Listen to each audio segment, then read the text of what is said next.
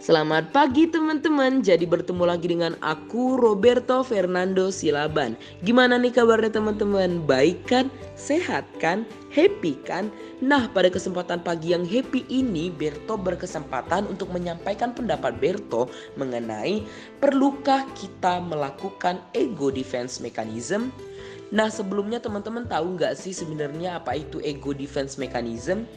Jadi, secara teoritis, orang-orang yang telah belajar tentang psikoanalisa yaitu Sigmund Freud akan mendefinisikan defense mechanism yaitu sebagai strategi yang dipakai individu atau manusia untuk melawan ekspresi impuls ID serta menentang tekanan superego.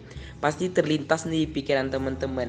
Ah, teori yang terlalu rumit untuk kehidupan yang real ini. Jadi nih teman-teman secara sederhana kita bisa menyebutnya dengan mekanisme otomatis untuk mempertahankan diri agar tetap seimbang.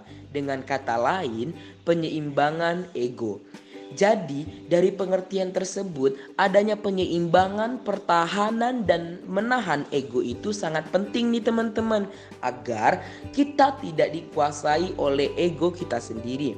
Nah, di sini aku mempunyai tips nih teman-teman yang mungkin efektif untuk menahan ego kita yaitu pertama, mulailah dari hal yang positif. Kedua, latih dirimu untuk menjadi pendengar yang baik.